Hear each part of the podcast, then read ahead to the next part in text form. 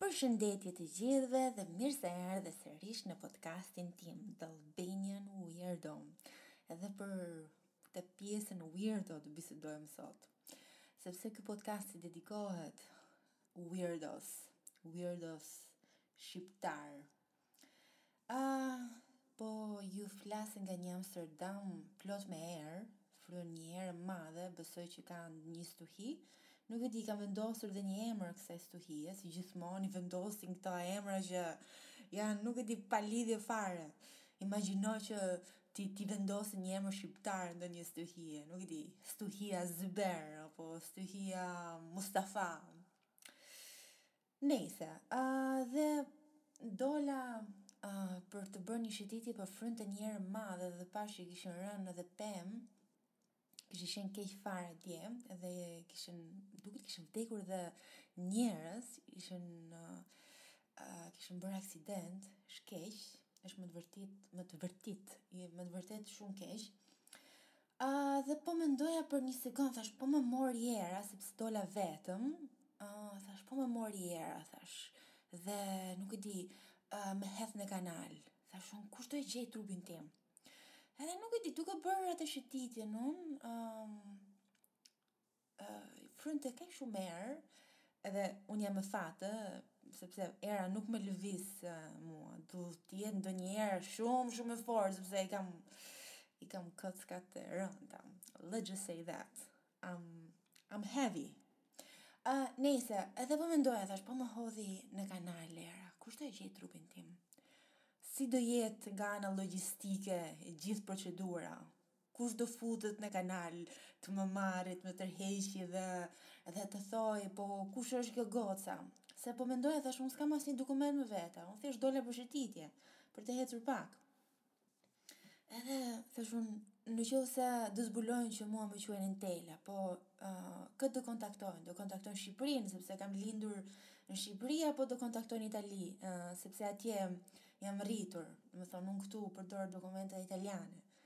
Edhe po mendoja thash unë si do ndodhi i gjithë procesi, thash hajde më, e gjetën që unë jetoj në Itali dhe jam me origjinë shqiptare. Do kontaktojnë prindërit e mi, po kush do vijë thash këtu thash të marri trupin tim. Sa lek do kushtoj thash në qoftë se trupi im do transportohet nga Holanda në Itali për të për varrimin. Edhe pastaj ah shkova akoma më tej thash, "Ok, Ndodhi, u bë e keqja, vdiqa, transportuan trupin tim, i kam bërë të gjitha dokumentet, shpresoj që dikush t'i ndihmojë prindërit e mi me përkthime nga gjuha holandeze në gjuhën italiane apo në gjuhën shqipe. Shkova në Itali apo në Shqipëri, varet se kur të më ku ku do vendosnin ata të më varrosin. Edhe Kush do vijë thashë te varrimi im? Kush janë ata njerëz që mendojnë që kanë një raport të afërm me mua apo me prindërit e mi? Do vijnë për mua apo do vijnë për prindërit e mi për respektin e tyre? Dhe mendoja thashë njerëzit. Do vijnë thashë unë, do vijnë njerëz që kam njohur në në Australi? Si do marrin vesh thashë ata? Pas as njeri s'do vijë thashë te varrimi. Dhe po mendoja, u futa në këto mendime. Edhe po mendoja që gjithmonë e kam pasur këtë pjesën e errët. Edhe si do si do e lidh muhabetin tani unë me këtë me, me temën e sotme. Nuk e di, po nga aty pastaj më shkoi mendja te ca filma të frikshëm që kam parë kur um, kur isha kur isha e vogël, sepse Këto mendime nuk e di në qoftë se i kanë të gjithë, besoj se i kanë të gjithë, edhe ti që po dëgjon, besoj që edhe ti e ke menduar ndonjëherë, se kush do vijë te, te varrimi jot. E ke menduar në njëherë? është një pyetje interesante. Edhe po mendoja, thash unë, gjithë ata filma, thash, të frikshëm që kam parë kur kam qenë e vogël, nuk, kanë bër, nuk më kanë bërë mirë fare, nuk është, nuk është e shëndetshme. Edhe kur erdha shpi, pas taj, um, fillova duke lexuar çik librin, po pastaj u futa në internet, thash, okay, isha kurioze, thash, po mirë, thash, gjithë ata filma, thash, që kisha qejf t'i shifja, kur isha e vogël, edhe unë kur them e vogël, po them adoleshente, 17, 18, 19, mbase për ju, nuk janë, nuk janë, nuk është moshë e vogël, është moshë për punë, është moshë për kontratë pune, po unë, në atë kohë e konsideroj veten, kalama fare. Ëm edhe kërkova të lexoj pak në ndonjë website që merret me psikologji çfarë e tërheq njeriun për filma horror. Edhe me sa duket është thjesht një mënyrë për të ikur me nga komforti, nga komforti që ti ke, në qoftë se ti ndjehesh i sigurt në ambientin tënd. Është thjesht një formë adrenaline e shpejtë që ti merr. Është ky eksitimi, ky stimulimi që të jepet nga nga këto momente të frikshme, po pastaj është më shumë nga momenti kur ti e kupton që atë që ti po shikon në ekran nuk do ndodhi te jeta jote reale, është, domethënë, duhet të jenë dy gjëra për ta për ta shijuar një film të frikshëm. është stimulimi, domethënë adrenalina që të vjen, por është dhe fakti dhe realizimi që ti ke një komfort që po të pret pasi që ka mbaruar filmi. Edhe po analizoja pak me historinë time, edhe është vërtet. Unë në atë kohë shikoja shumë nga këto filma horror slash thriller, edhe e çuditshme është sepse Jeta ime në atë kohë ishte me të vërtetë komfort absolut. Paqe, nuk më mungonte asnjë gjë. Edhe ishte mënyra ime për të kërkuar adrenalinë, aventurë, ose ndonjë, ndonjë moment eksitimi që mba, mbase mungonte te...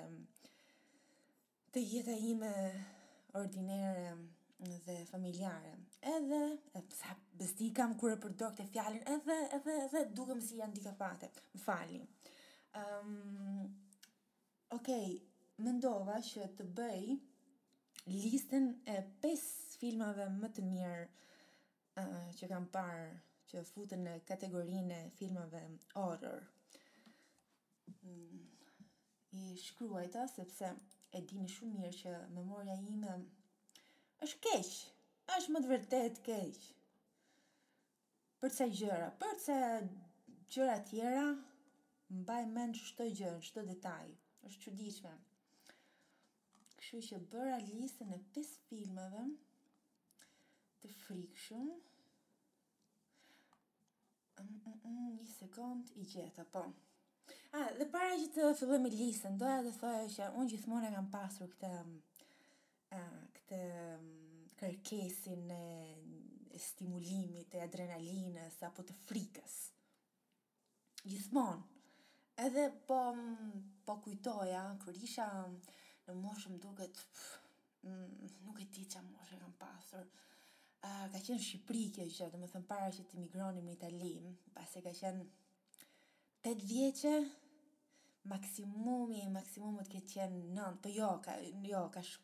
Më ka qenë më para, kështu isha 8 vjeçe besoj.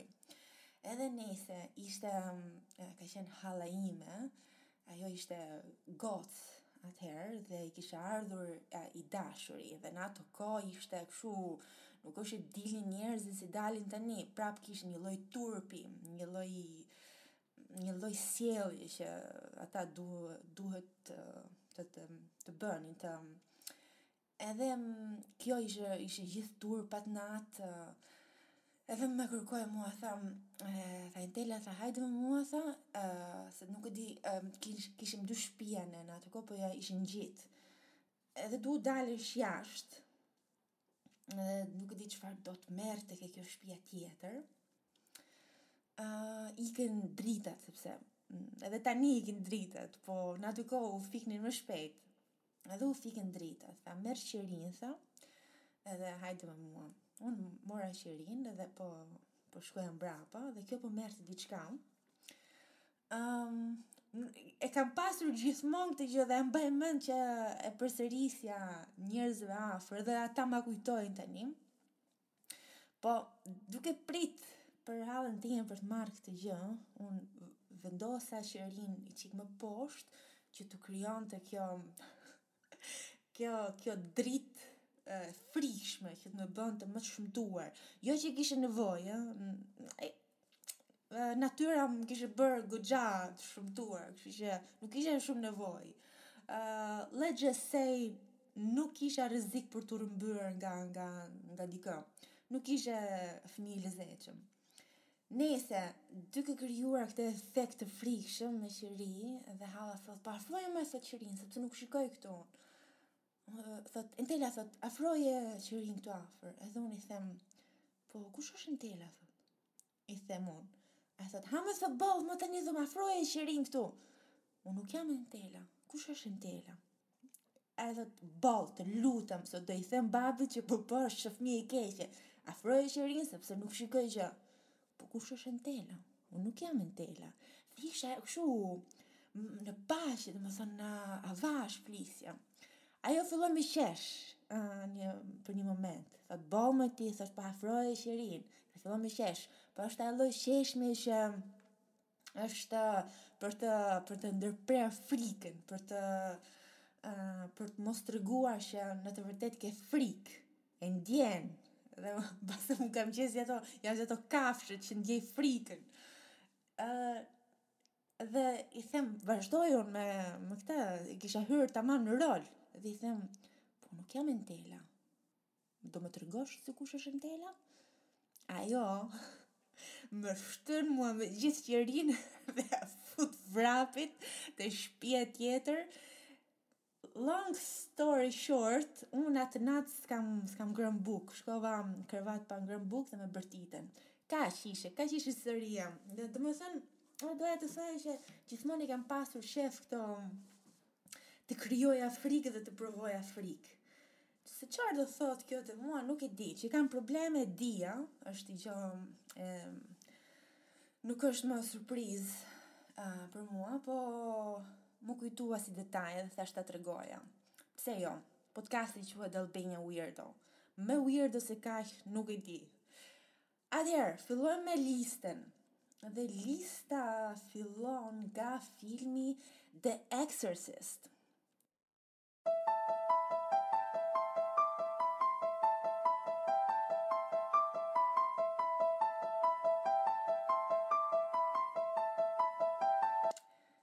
Të gjithë e njihni The Exorcist, të gjithë. Mund ta kem parë nga mosha, besoj, 16 vjeçe. Dhe është një nga ato filmat, është filmi që pothuajse përmendet më shumë në kategorinë e filmave të frikshëm.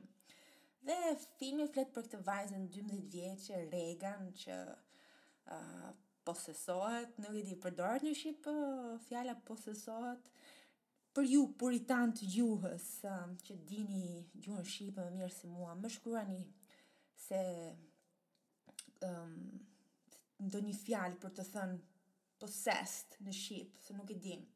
Po nejse i futet djalli në trup me pak uh, me pak fjalë. Ëm um, kaq është historia, pa pa për mos pa pa pa pa pa pa pa pa për mos bërë shumë spoilers. Dhe um, këta kanë nevojën pastaj që të thërrasin priftin që me sa duket, më duket, ë, te filmi është me origjinë greke. Ah, më duket. Po, marrin priftin dhe duhet të kërkojnë të të që të heqin të të djallin. Është i frikshëm sepse mënyra se si e kanë realizuar ça është e errët, muzika bën atë të vetën sepse një film i frikshëm ka nevojë për muzikën. filmat më të bukur që kam parë unë ka qenë muzika, efekti më i më interesant. Në qoftë se doni të mos flini gjumë për një javë, jua këshilloj këtë, këtë film, The Exorcist.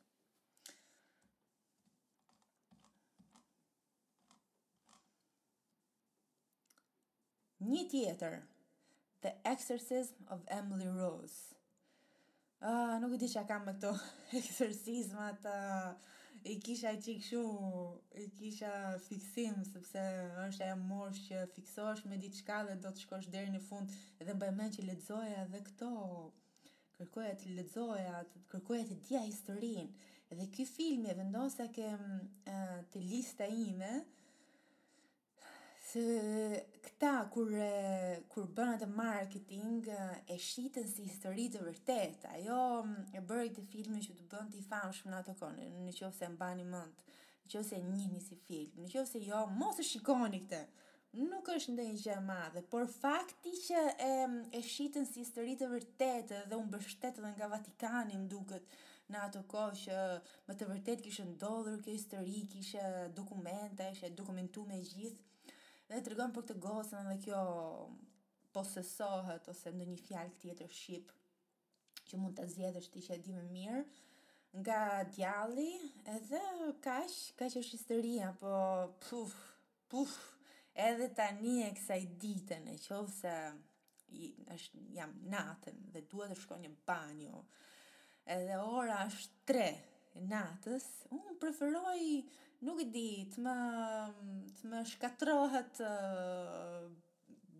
veshika në qoftë se thuhet shqip se si thuhet italisht nuk e di në qoftë se është e njëjta fjalë po Preferoj të shkatërrohet çdo gjë aty se sa të rrezikoj të takoj djallin në banjo. Kaq, kështu që për mua ora ora 3 natës akoma ka ngel si si frikë. Pse? Sepse nga ky filmi The Exorcism of Emily Rose. Pastaj kemi numrin 3, sepse tani po shkojmë çik kështu pole position.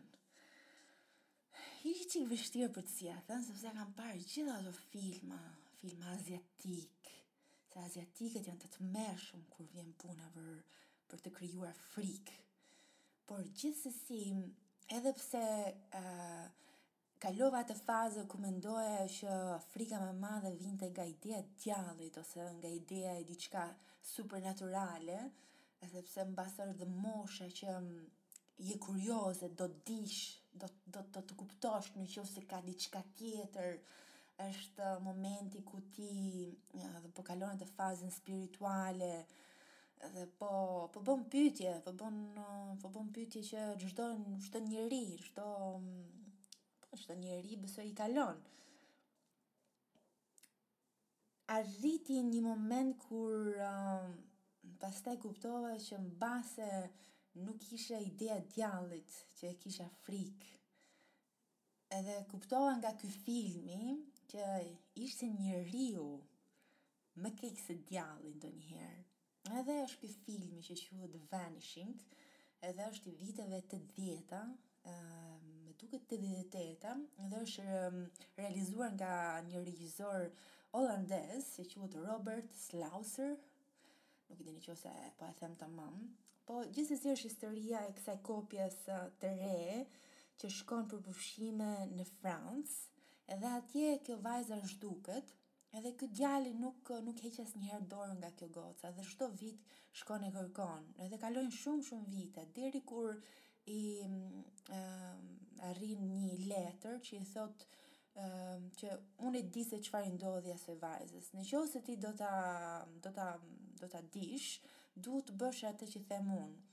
Uh, pa pa thirrur polici dhe pa pa pasur telefon etj etj, thjesht duhet të ndjekë uh, këto hapa që ky shkruan. Nejse nuk po ju tregoj të gjithë historinë, por pak a shumë filmi flet për jetën e një psikopati. Kaq, është jeta e këtij burri që arrin një moshë që e kupton që ky është psikopat, e kupton, e kupton që nuk është si gjithë të tjerët. Edhe në qoftë se nuk e dini çfarë janë psikopatët, psikopatët janë njerëz që nuk provojnë frikën, e është e gjitha, meqenëse po flasim për frikën. Është e gjitha aty. Ata nuk provojnë frikën, po jo vetëm nuk provojnë frikën, nuk e njohin frikën edhe ke të tjerët. Domethënë ke fytyra, ë gjithë njerëzit e kuptojnë, kanë një inteligjencë emocionale, kuptojnë mënyrën se si ndryshon fytyra, nëse tjetri ka frikë, është turp apo ka gjëra të tjera, kurse këta kanë probleme nga nga ajo anë.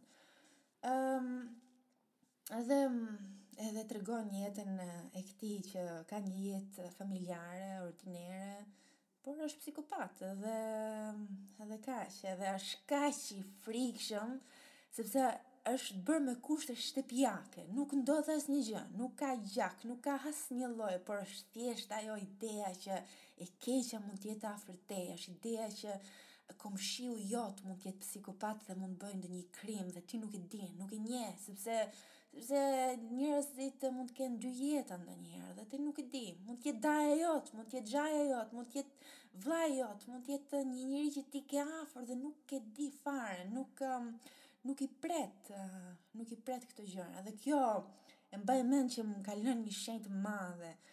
Është ai dyshimi që të lë te njerëzit. Uh, që nuk mund ta dish të vërtetën. Kaq, ky filmi quhet Vanishing. Edhe si të gjithë filma më të thjeshtë, është është goxha të, të bën um, nuk është që të bën që të kesh frikë sepse mbas adrenalina këtu nuk është që ndjehet, është më shumë nga ana um, psikologjike. Arritëm te numri 2, numero dos. Dhe vendosa Rosemary's Baby e Roman Polanski. Në qoftë se e njihni këtë emër, mund ta dini që është një emër problematik që ka bërë um, ka bërë diskutime. Akoma bën diskutime emri i tij. Por jam me mendimin që jeta private e një artisti duhet ndahet pak nga arti dhe në qoftë se arrijmë ta bëjmë këtë gjë mund të kuptojmë që ky film është është fantastik nga ana e muzikës që do jua vendos tani. Dëgjojeni pak.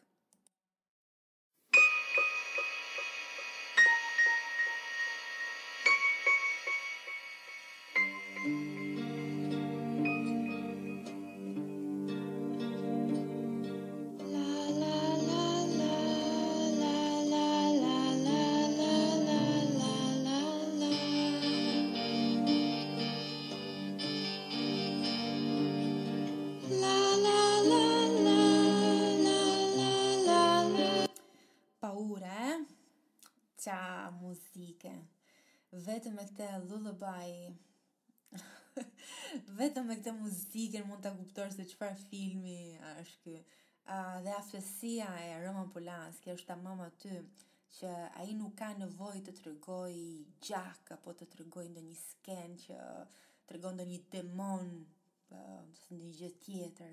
Nuk ka nevojë për atë. Aftësia e tij është aq e madhe saqë ai luan me imagjinatën. Ai të lën ty që të imagjinosh uh, se çfarë është e keqja, se çfarë mund të vijë aty. Domethënë, po flasim për një nivel arti shumë të lartë këtu. Në qoftë se ju pëlqen kinemaja në përgjithësi dhe jeni kuriozë dhe nuk e njihni këtë film, jua këshilloj. Ë uh, ia vlen, është me të vërtetë, me të vërtetë uh, interesant. Tani, um, besoj që i bënë një remake të filmit në formë seriali, por i pashë vetëm 10 minutat e para, kishin e kishin shkatërruar fare. Nuk i kuptoj këto remake, si Si i vendosin për t'i bërë, sikur ka, ka humbur imagjinata. Ah, çudi. Nejse, kjo ishte Rosemary's Baby nga Roman Polanski, numero 2. Tani, arritëm te numri 1.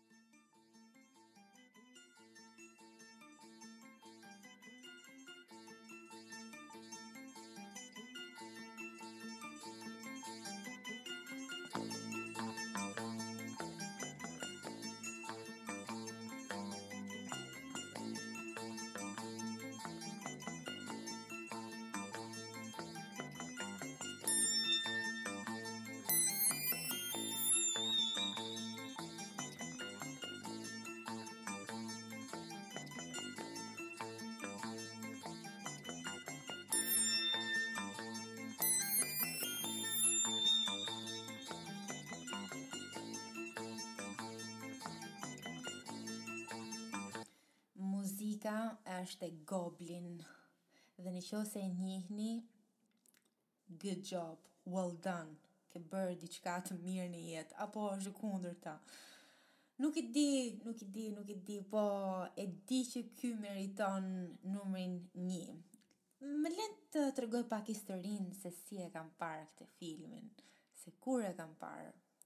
E kam parë ditën e ditëlindjes kur mbusha 17 vjeçe. Pasi uh, mbarova darkën me tortë e të gjitha, unë atë ditë i kisha kërkuar leje prindërve që të shkoja të merrja me qëra kasetën e këtij filmi. Ah, imagjinoni sa e lashtë jam. Kaset, as DVD, kaset. Tani nuk ekziston më kjo gjë.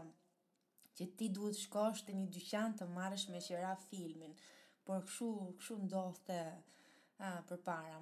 Dhe kërkova këtë këtë filmin, sepse para ca ditësh në në shkollë, kur isha në lice, profesori i frëngjishtes po fliste Për artin lidhje me kinemanë nuk e mbaj mend tamam gjithë situatën, por mbaj mend mbaj mend që e citoi këtë filmin edhe po tregonte që i kishte pëlqyer shumë ky film kur kishte dalë në atë kohë, sepse profesori ishte i vjetër, filmi është i viteve shtatëdhjetë. Edhe e lë një spoiler aty dhe thotë që ishte shumë avangard në atë kohë filmi për shumë arsye dhe thotë që vrasësi thotë duket që nga skenat e para edhe ishte diçka ndryshe nga ato vite, domethënë mënyra se si e ndërton ky suspansin regjizori. Pa pa e zgjatur shumë muhabetin, filmi quhet Profondo Rosso dhe regjizori është Dario Argento. Në qoftë se jetoni në Itali, besoj e njihni emrin e tij. Edhe është një nga ato fytyra që është vështirë ta ta harrosh sepse ka një ka një ngjashmëri me Frankenstein, çuditërisht. Por është një artist i madh, ka qenë një artist i madh. Edhe me këtë film ka dhënë artin më të lartë të karrierës së tij.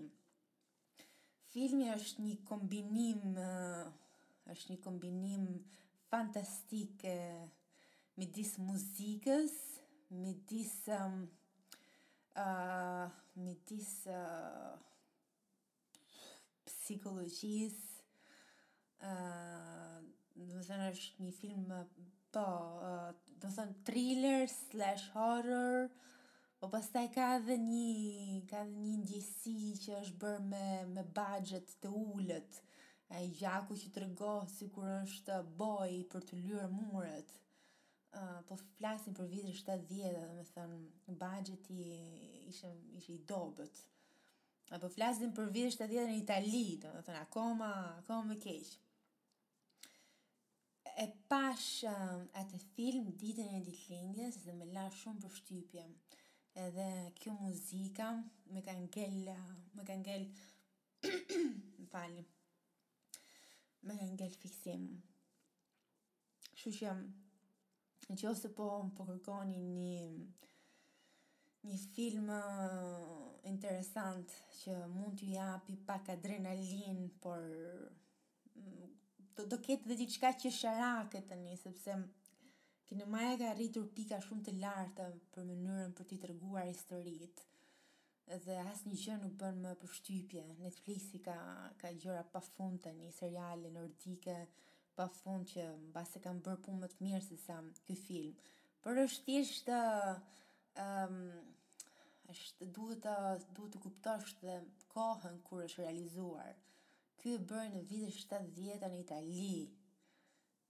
duhet t'i japësh kredi edhe për atë gjë, për faktin se kur e ka krijuar dhe se si e krijoi, me çfarë kushtesh.